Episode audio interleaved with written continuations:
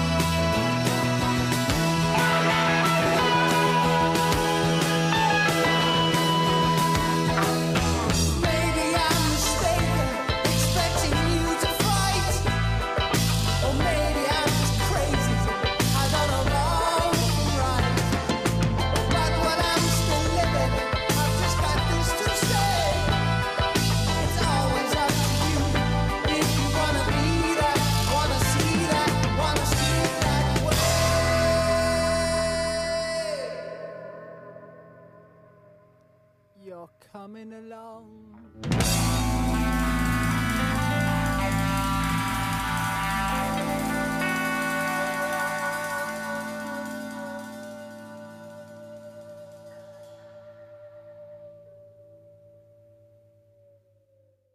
Uh, welcome to uh, A Bold Scientist Under the Shower, the show uh, broadcast every second Monday of the month on uh, uh, Radio Onda uh, Italiana. I'm happy today to have a, a friend, but also a colleague, a bit everything. today with us um, is Milene Bonte. Hi, Milene, how are you doing? Hi, Fine, thanks. Uh, hi. so she have chosen uh, uh, the song, beautiful song from uh, Supertramp, School, uh, actually from 1974. Uh, um, a great song. I, I love it. Actually, this song also introduced us very well to the topic of today, which uh, won't be necessarily about education, but also about education is about uh, uh, is about reading, is about uh, learning, is about uh, obviously is about uh, science, and now science and neuroscience do address those topics. so Milene started her academic career as a PhD student in 2000 at the Faculty of Psychology and Neuroscience at Maastricht University. And she actually uh, um, investigated how uh, typical and dyslexic readers uh, process spoken language. In 2004, she spent a period of six months at Helsinki University of Technology in Finland, investigating how people expectation influence the way they perceive language. She received her PhD in 2005. And since 2019, uh, she's full professor at the Faculty of Psychology and Neuroscience at Maastricht University.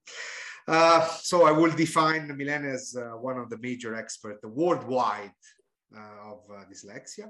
She has spent most of her career asking why some children learn to read fluently while others face enormous challenges due to developmental dyslexia. Uh, in order to investigate those questions, she used behavioral measurements, but also uh, brain imaging methods. And she will explain in a while uh, what those brain imaging methods consist of.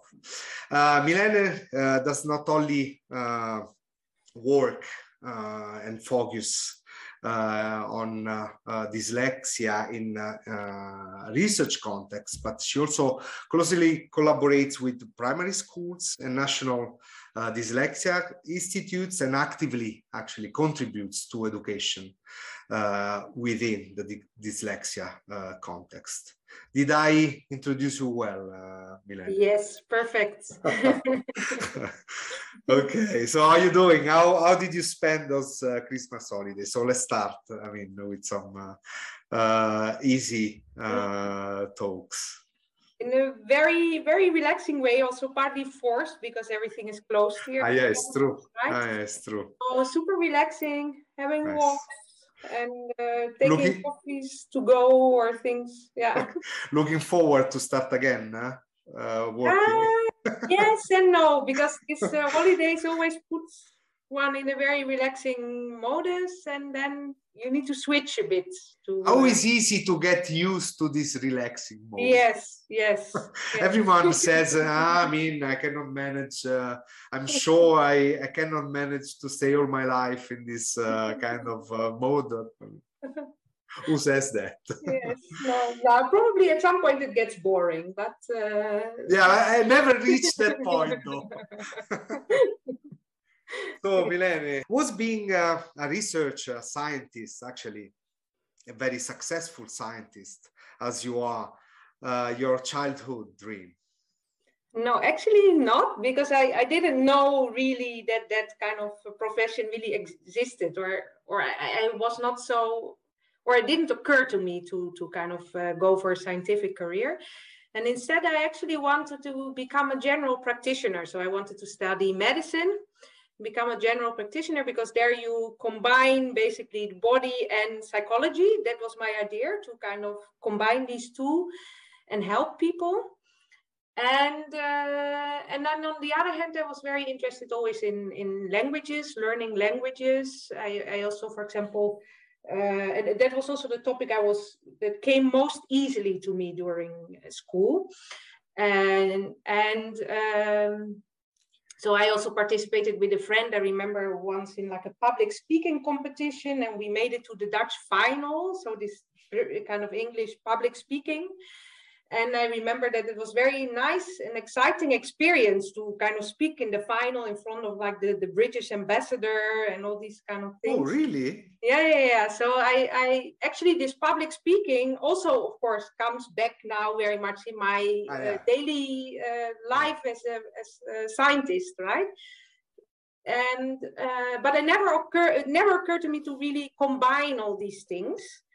And so somehow, uh, because I, I in, in the Netherlands, there's this uh, numerus fixus for medicine, and it was like a lottery system, or it, I think it still is and I uh, was not so my my number I had like number kind of like three thousand, so I, I just had no chance of starting medicine.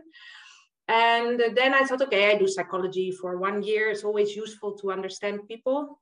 And then never again, No. right? No, then I and then I really I got hooked and uh, really uh, got got to know uh, about neuroscience and uh, then actually the second time I just for the sake of it I tried again to get into medicine, but I was then relieved that I had even a higher number uh, the second time, like four thousand or something.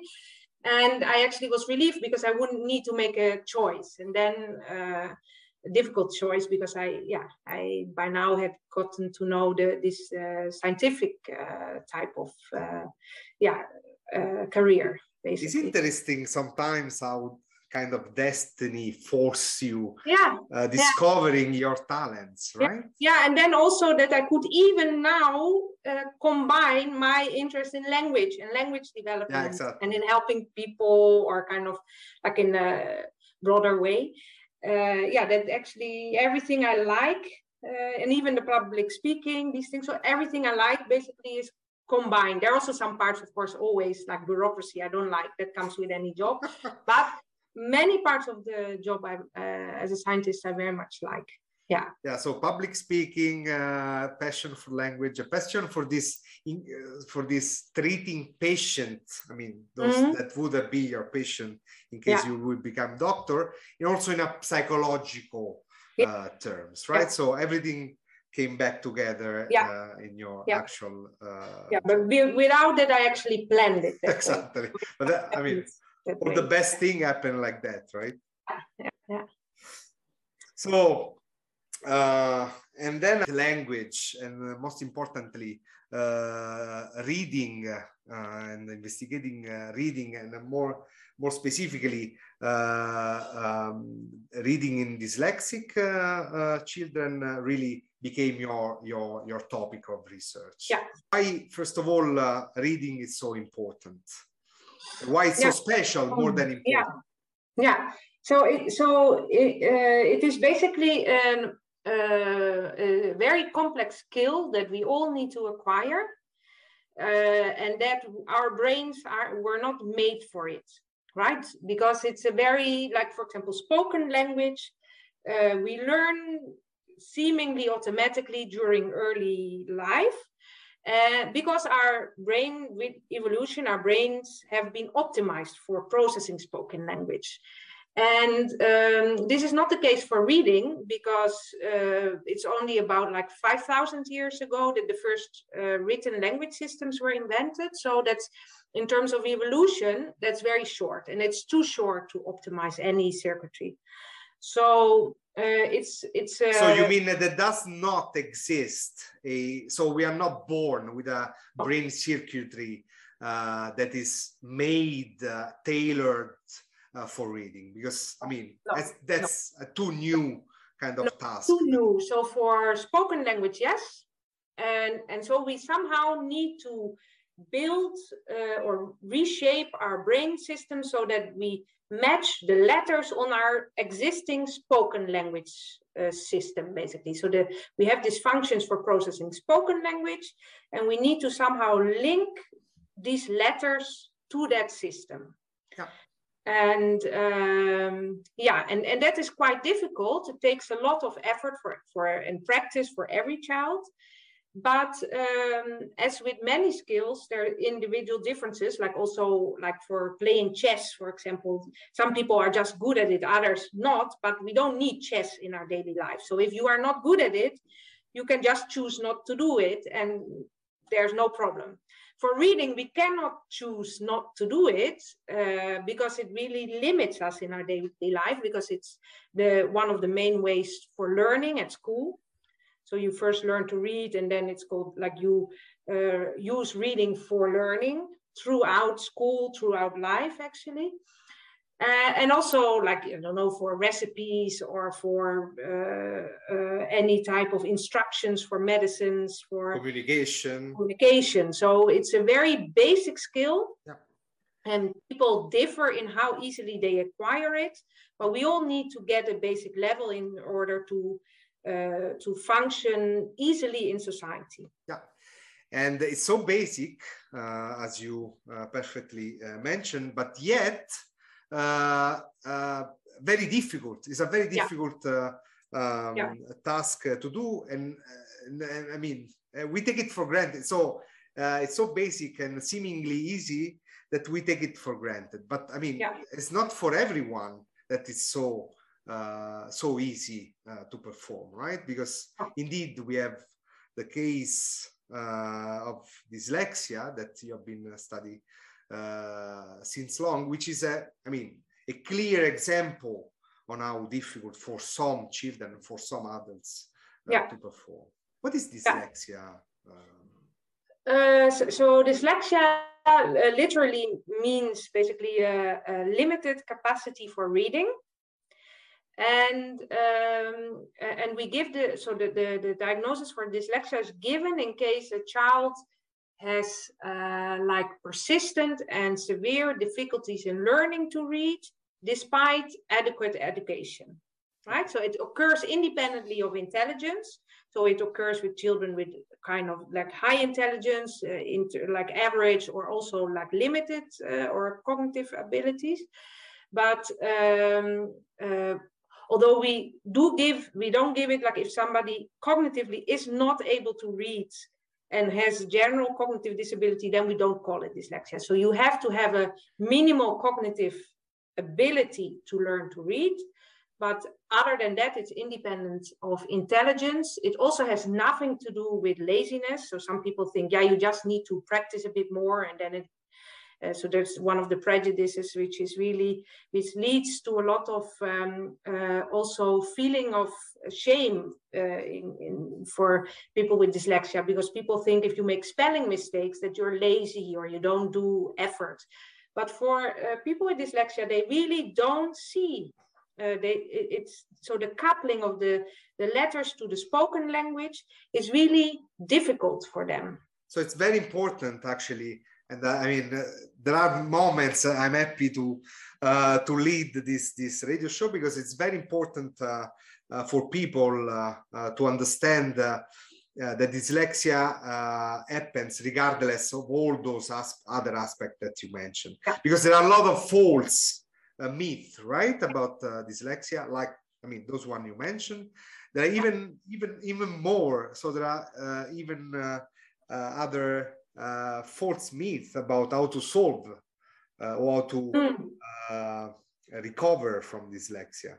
yeah yeah yeah so there's this general ideas that um, for example that you uh, that the left and the right brain would not be in part of the brain would not be in balance, right? So that um, dyslexic people would rely more on the right brain, whereas or the right hemisphere, whereas uh, typically reading children more on the left hemisphere, and that therefore these need to be brought in balance by claying, like doing this like. Uh, uh, things with the hands, claying letters, or rope skipping, or uh, other types of exercises to bring the the brain in balance, but uh, or to wear colored glasses so that the visual system uh, would function better.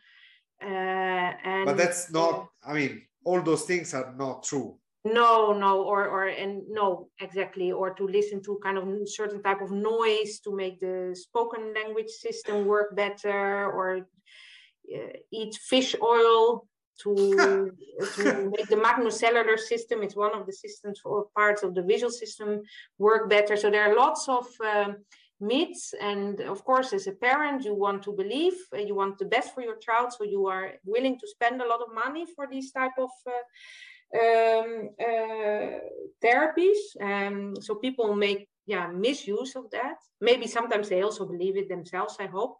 Uh, so when they sell this type of uh, therapies, but um, yeah, no. What what we know is that uh, it's really it's really a problem specific to reading and language.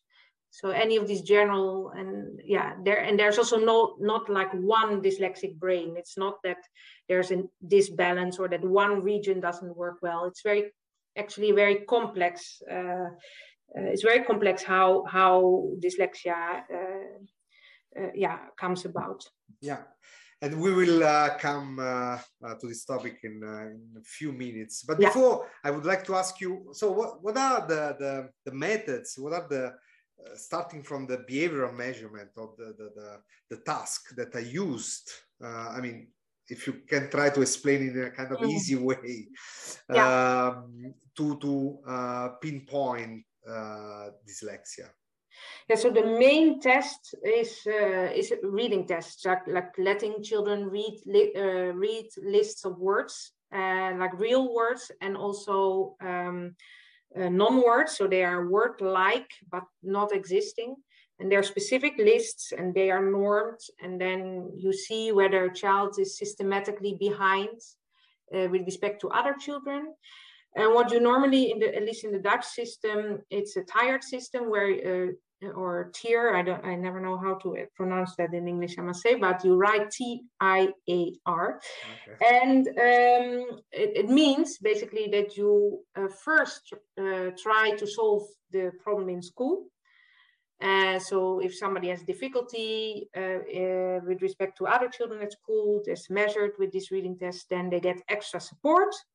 If after half a year of this extra support, this does not help, um, then so there are different levels of support and you get then increasing levels of support. And if all this uh, support in school doesn't help enough then you get referred to a specialized dyslexia institute and they do a diagnosis based again on the reading tests but also other tests to uh, make sure that uh, like uh, to, to, understand a bit what kind of profile the child has like um, tests with spoken language, like rhyming tasks, or also intelligence tests, or uh, yeah, like a whole battery of tests.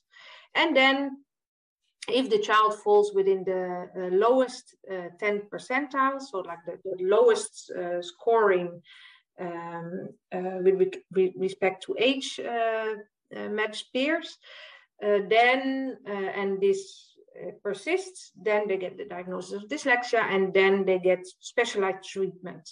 Yeah. And in the Dutch system, it's like this. Uh, it's not uh, internationally. It's not always. It doesn't always work so systematic. And for example, in Italian, I think um, uh, you don't have so much specialized um, dyslexia care, but also that's also because um, uh, dyslexia. So it Italian actually is a really good language for people with dyslexia. Ah, because there are differences between languages uh, according to, to dyslexia. So yeah, yeah, because you how is that? Uh, as I said before, we, you basically have your spoken language system, right? And you need to map the letters on the speech sounds. Yeah. And in Italian, every speech sound is pronounced in one way yeah. uh, and written in one way, especially. Yeah and every letter is only pronounced also in one way. So you there's a one-to-one mapping between letters and the sounds. It is help. And that uh, helps because the main thing you need to do in learning to read is to map the letters on the on the sounds. Yeah. And and this mapping is much easier if this if there's a one-to-one mapping. But in dutch and especially actually in english there this mapping is not one-to-one because um, like English actually together with Danish are the like the most dyslexic languages. So it's actually paradoxical that English is one of the world languages, right? Yeah, it's true. It's one of the most dyslexic languages. Because, let's make it let's yeah. make it Italian the worldwide. Oh, perfect. yeah, yeah. Fine with me. ah, because by the way, Milene speaks very well uh, Italian and other languages. Anyway. yeah so there are yeah. there are better languages better and worse languages uh, for, for yeah We also know that uh, you are an expert uh, in, the, in, the, in the field of neuroscience. Um, how neuroscience can help in uh, all this process of uh, uh, studying dyslexia and even uh, to diagnose uh, a, a, dyslexic uh, child or to develop a strategy Uh, to, to, uh, to test dyslexic uh, children. Yeah. But, but I mean, before that, song from Elis Regina, Brazilian singer, O Bebado e a equilibrista.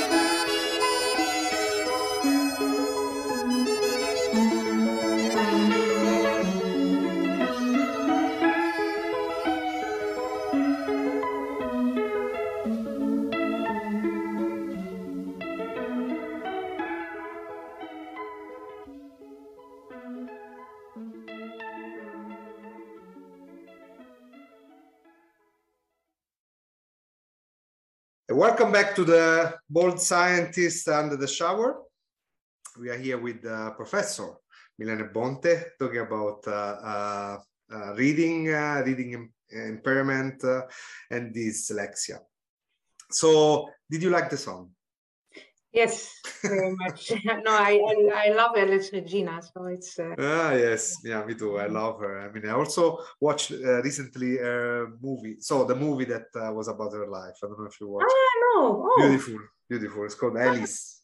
Ah, okay. Ah, beautiful. Yeah, okay. I will watch it then. She yeah. was a crazy type, though. Ah, look, totally. interesting. Yes. um, so always good to be a bit crazy. Absolutely, absolutely. Uh, yeah, we always lack some craziness in our life. We should uh, always reanimate that yes craziness. Uh, about craziness, uh, not really. uh, so I asked you before uh, this this uh, uh, song break. Uh, I was asking um, whether neuroscience and the neuroscientific method can help and how they uh, can help uh, identify uh, dyslexia or, or designing new or tailored therapy for children with dyslexia. First of all, what is neuroscience? Yeah. yeah. So uh, yeah, in neuroscience we we have, can use different methods for uh, basically for measuring brain activity, and so we can understand uh, the function and anatomy of the brain better, and uh, especially with respect to reading, it yeah reading involves like visual processing, right? The recognition of the letters, linking the letters to spoken language, and um, um, so making these strong links. And then also you need attentional skills and working memory. So there's basically a large part uh, or many different systems in the brain are involved in reading and we can measure these with uh, with for example eeg and there we look or MEG where we look like at the time course so how fast so how does it work? So EEG is the, this one with all the electrodes yeah. on your head, yeah. right? Yeah. So you have a cap, like kind of a shower cap, kind of cap with the electrodes in it, and they pick up the electrical signals that are produced uh, by your neurons when they're active. So if so, a certain region is active, there's a large current, basically, or potential, and you can measure that yeah. with these electrodes. While the subject or the child or is, is reading, I guess, yeah. right? Reading or performs any task related to reading. yeah. yeah. And then uh, that is one method. And another method that we often use in children is functional magnetic resonance imaging. And there you go in like in the MRI scanner, basically. And uh, we measure basically the relative amount of oxygen in uh, flow in a uh, influx in a certain brain region. Just to, so with, with that region, we have less uh, information on exactly the timing of the brain activity, but more on where the activity happens. So EEG is better to identify the, the, the time scale yeah. of, of yeah. the uh, of the reading performance, mm-hmm. while the, the the fMRI, which is this this scanner uh, mm. where the, the the child is put in, is is better in identify the the region where this this reading yeah. uh, um, process is, uh, is, is occurring. Okay, and uh, so you were saying that reading involves several type of processes. Yeah. So therefore, how uh, the fMRI, for instance, might be useful uh, for a uh, to identify dyslexia, or how can be useful in general in oh. Uh, in, in maybe first like like really diagnosing dyslexia with uh, with brain imaging methods i think can is not possible. So there because there's not like one uh, there's not one dyslexic brain. There's not one region that always works in a different way in all yeah. people with dyslexia. Uh, because and actually then we can go back uh, make a link back to the song of elis regina there is a balance right? So it's always a, a balance between uh, like relative strengths and weaknesses in the uh, developing brain of a child. and how the child learns to read, basically. And that is uh, their biological influences, their environmental influences, and all these work together. And in, in most of the cases, then you learn to read uh, well. But sometimes the, the weaknesses outbalance the strengths, and then you develop, uh, for example, dyslexia. And uh, so why then is it useful to look at the brain at all, right? if you cannot diagnose dyslexia based on, on, uh, on brain scans. So it is useful because if we just have the behavioral measures, we only know, for example, how many words a child um, uh, can read within one minute. So we have one measure. And that's, yeah, so that doesn't tell us more than that the child has difficulty in learning to read. Yeah. What we really need to know in order to have optimal therapy for dyslexia or intervention or training for uh, children with dyslexia is why do they read uh, not so well so is it because they're in their their brains manage less to link visual to auditory information so do we need to strengthen these links between the visual and the auditory information like visual and spoken language or are is their spoken language uh, not so well uh, processed? So do are they do they have difficulty with rhyming or uh, uh do they need to kind of get extra training and understanding the different sounds? Because actually that is one other point that we didn't discuss so far. So before and that we normally are not aware of before learning to read we don't hear the individual sounds of the words because we don't need it, right? So for spoken language, we hear the whole word, right? We are not, and also, so if you have a, a test, for example, like you ask um, uh, somebody to say the word bread without the b, right? For us, it's self-evident. You say red. But if you ask the same question to a child that does not read yet, or also to an analphabetic person that's also uh, even like an adult age, they have no clue. They don't hear these different sounds. They, they don't analyze the words in their separate sounds. They just hear them as whole words. And for us, it's very difficult to imagine, but I, I would say if you have a child or know somebody that doesn't read yet, just just out of curiosity, ask this, and you will see.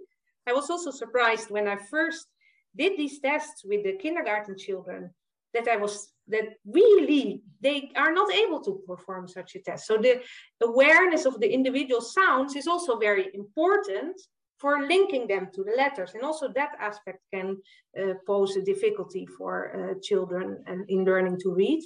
Or some children, uh, for example, just have really they have a bit of a weakness in automatizing the links between spoken and written language, but then also they have attentional problems or they have a small vocabulary. So what you are saying so, basically is that if we do not look at the brain, if we, if we take uh, the brain as a black box and we only mm-hmm. use the, the, the behavioral measurement, we can kind of diagnose dyslexia, but we yeah. would not know what are the causes which yeah. can be different of dyslexia, right? Yeah, yeah. We don't know what are the individual strengths or weaknesses of a child with dyslexia and actually before so this this type of ideas that i spoke about before this myth right so this of the left right balance actually it came from a, a, a dutch uh, professor or a scientist bakker and uh, it, in a way it was also he had an important contribution because he was one of the first that looked at the brain right? He, he but it was in uh, like uh, quite some decades ago when the brain measurements uh, were less precise.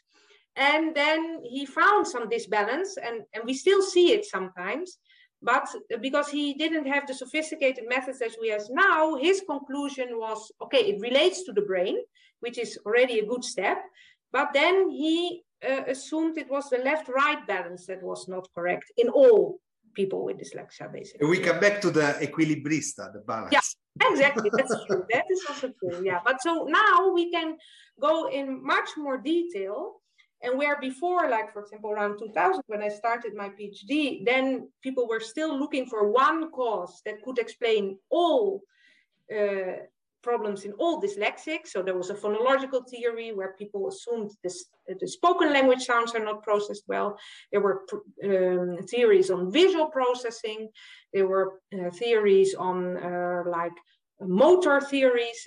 And now basically we, now that we have the possibility of looking at also individual brains, with the methods that we have now, we understood that actually there are large individual differences. There's not one cause, but it's a balance. The only common uh, uh, common factor is that it always is related to the developing reading system. So yeah. it is not something uh, very general uh, uh, or non-specific. Yeah. That is what we know. And then hopefully, if we get more and more sophisticated in our methods, we understand also more not only that there are individual differences, but how they are caused, because that we don't know yet. Right. Yeah. So we, we, we now are trying to understand exactly how these individual differences in the uh, changes in the brain during learning to read, how they occur. Yeah, and I mean, I, I guess that uh, knowing uh, uh, the underlying causes can also help in uh, tailoring uh, eventual therapies for.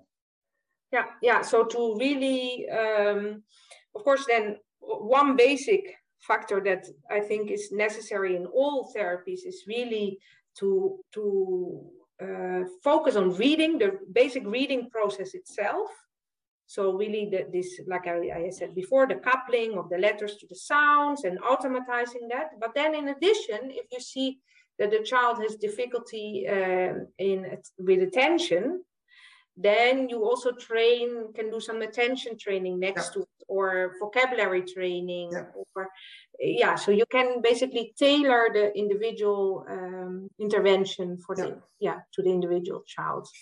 Yeah. Wow, it's crazy. We already are at, almost at the end of the uh, show. So I will uh, then uh, uh go with the uh, the third uh, song that you you actually have uh, chosen is a Dutch song. It's called. Uh, correct me if I'm wrong. Opzij. Opzij. Yeah. Opzij. Opzij. Uh, and so in a few minutes you you will tell us what is that about. Okay. So we see each other in a really few minutes.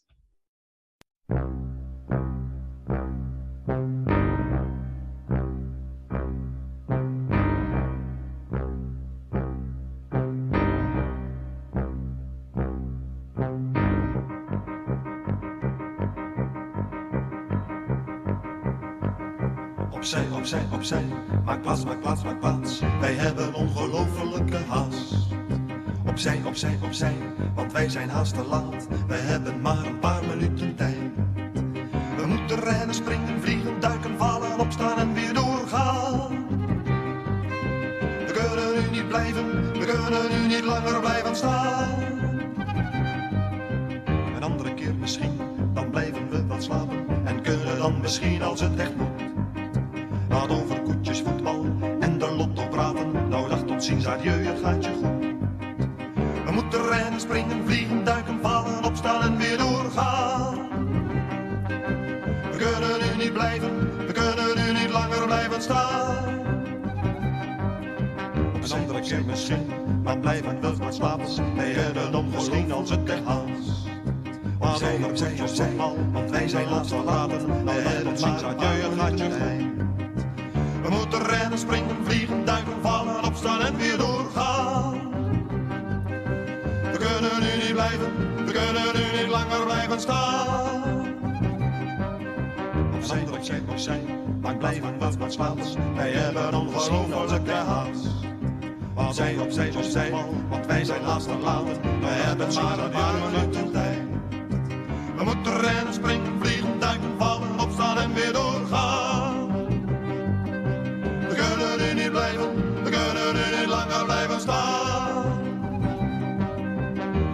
zijn of zijn, maar plaats, maar plaats, maar. Wij hebben ongelofelijke haast. Opzij, opzij, opzij, want wij zijn afgeladerd. We hebben maar een paar minuutjes tijd. We moeten rennen, springen, vliegen, duiken, vallen, opstaan en weer doorgaan. We kunnen nu niet blijven, we kunnen nu niet langer blijven staan. Een andere keer misschien, dan blijven we wel slapen. En kunnen dan misschien als het er moet wat over koetjes, voetbal en de lotto praten. Nog dag tot ziens, adieu, het gaat je goed. We rennen, springen, vliegen, zij opvallen, afstaan en weer opzij, opzij, opzij, opzij, opzij, opzij, opzij, opzij, opzij, opzij, opzij, we blijven opzij, opzij, opzij, opzij, opzij, opzij, opzij, opzij, opzij. Maak plaats, maak plaats, maak plaats. Wij hebben ongelofelijke haast. Opzij, opzij, opzij, want wij zijn haast geland. Wij hebben maar een paar minuten tijd. Rennen, springen, vliegen, duiken, vallen, opstaan en weer doorgaan. We kunnen nu niet blijven, we kunnen nu niet langer blijven staan. Een andere keer misschien. Right. Uh, welcome back uh, once again to the uh, Bold Scientist Under the Shower. Here we are with uh, Professor Milene Bonte uh, talking about uh, dyslexia and uh, our neuroscience. Uh, this was the last topic uh, uh, we addressed. Uh, how neuroscience can help indeed identifying dyslexia and eventual uh, specific therapy for dyslexic children. It was a very nice song. I didn't know that song. By the way, and I, I don't know whether you you have uh, choose that song on purpose, but also this overlapping of uh, of different words make me think Mm. about uh, the, the, the confusion that sometimes dys- dyslexic children might have in their head when reading. So it was Yeah. super cool, actually. Yeah, no, that's true. I, I didn't, uh, that was not the reason I chose it, but I, I also noticed it now. So it, basically the, the song, uh, the, the, the title of the song is is Opzij, which means move aside, move out of my way because I'm in a hurry. Basically, it's it's a song about being in a hurry always, and and I, I thought about that because in the school system we always want the children to learn very quickly. We don't have basically the at least in the Netherlands the system doesn't have the patience to look at the individual differences. So that was my link um, uh, to, to the topic. So to have the patience uh, of looking at individual differences, because that is actually, I think, one of the major contributions of neuroscience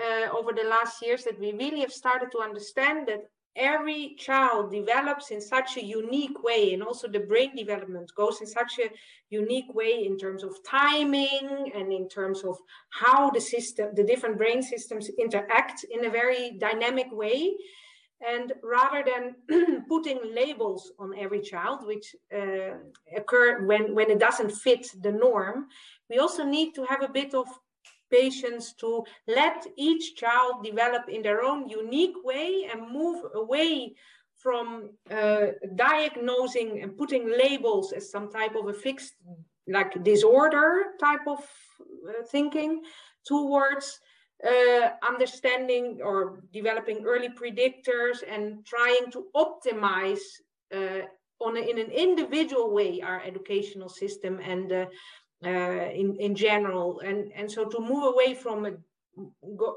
making it like kind of a fixed label towards enabling children to learn to read and flourish basically in the educational system. Because now uh, it often the, the system is very much focused on the average child and then if if children don't keep up they they also develop really low self-esteem Yeah, and they think it's up to them.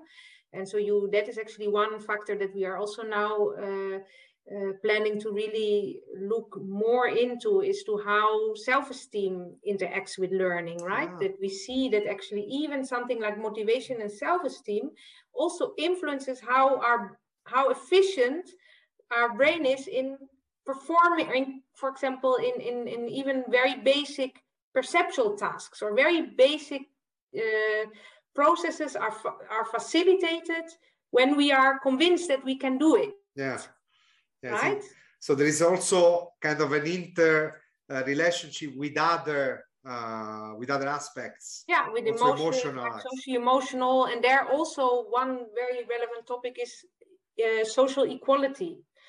Because uh, people from uh, back, certain backgrounds by their teachers for example already are automatically thought uh, about in a certain way and that influences their self-esteem and that also influences their reading again. So independently of dyslexia yes or no right? So in the end yeah it's uh, that also goes back to individual differences and uh, yeah to to really uh, try to to look at the individual and take all these aspects into account. So i think we uh, we are already at the end um, uh, but I think we learn a lot uh, today, uh, mostly on how useful uh, is this type of research and how those results can be implemented in uh, everyday life, mostly in uh, education. So in this regard, but I think in your case, the, the question is, the answer is, is a bit obvious and trivial, but uh, uh, how do you think is important for uh, the European uh, community, but also at the national level to finance your research, your basic research? I think it's in, in this type of research is um, actually spans a different range of like basic to more applied projects, yeah. right? And uh, the link to the educational system to improving individual children's uh, chances to succeed in education by uh, optimizing uh, their the way in which they can learn to read. I think it's yeah, it's quite obvious yeah. because of the central importance also yeah. of learning to read. Uh, Absolutely. Yeah. Milene, uh, what to say? Uh, I hope to have you uh, as a guest in, uh, I mean, in uh, in the future because uh, really we learn a lot and we learn the importance of taking care of the individual child instead of, I mean, putting all the child, all the children in the same box. I wish you uh, a good Befana because today in, Ita- in Italy is ah, yes. a special yes. kind nice of. Uh, yeah, I had actually got some chocolate from my uh, uh, girlfriend who makes some uh, surprise in the morning. So I'm quite oh, nice. Uh, happy and I came back to the kind of child nice. atmosphere. Did you? No, no I didn't. The Netherlands is not no my son is not there so i uh... okay okay so i would like to thank you a lot and again uh, and uh, I hope to. I mean, we're gonna see each other in a few days for working reasons, yes. but uh, yes. I mean, I really hope to have you uh, back yes. as a. Very nice. Thanks a lot uh, for having me. I very much enjoyed. Yeah, thanks. thanks, a lot. Thanks. So now I will. I also would like to thank uh, uh, Radio Onda Italiana as a, uh, to host us as every uh, second Monday of the month, uh, and I will leave you now with a hymn to the uh, to a better future. So something that.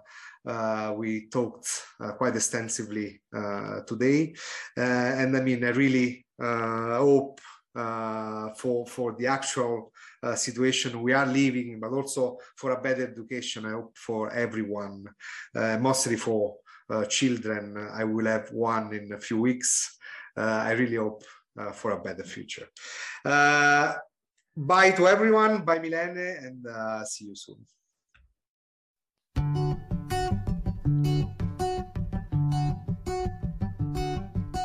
Tutto quello che mi passa per la testa sembra avere senso quando penso che la vita forse un senso non ce l'ha. Certo non è bello quando guardo il mio castello in aria e penso che un castello così bello sulla terra non ci sta. La mia età non è questa, è almeno la metà. Passami il mantello nero, la mia spada da torero. Oggi salvo il mondo intero con un gioco di magia. Non sarò mai abbastanza cinico da smettere di credere che il mondo possa essere migliore di così.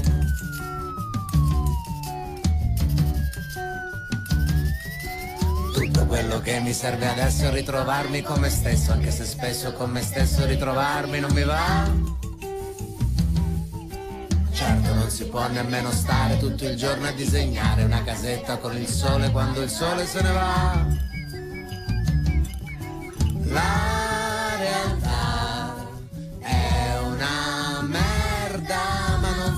qua. Passami il mantello nero, il costume da torero, oggi salvo il mondo intero con un pugno di poesie.